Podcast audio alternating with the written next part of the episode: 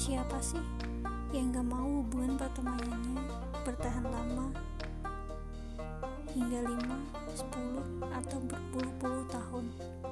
Yang pasti, kamu ingin berteman lama dengan sahabatmu seterusnya hingga usia senja, bukan? Memiliki teman sangat menyenangkan, apalagi jika sampai jadi sahabat. Untuk mencapai proses ini, tak mudah mencari teman, sebab sahabat adalah orang yang diri kamu, baik luar maupun dalam.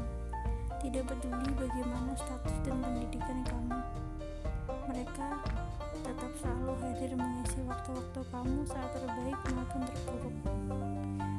Ada hal beberapa yang harus kamu ketahui agar bisa menjalin hubungan yang akrab dan awet hingga 10 tahun. Berikut buku.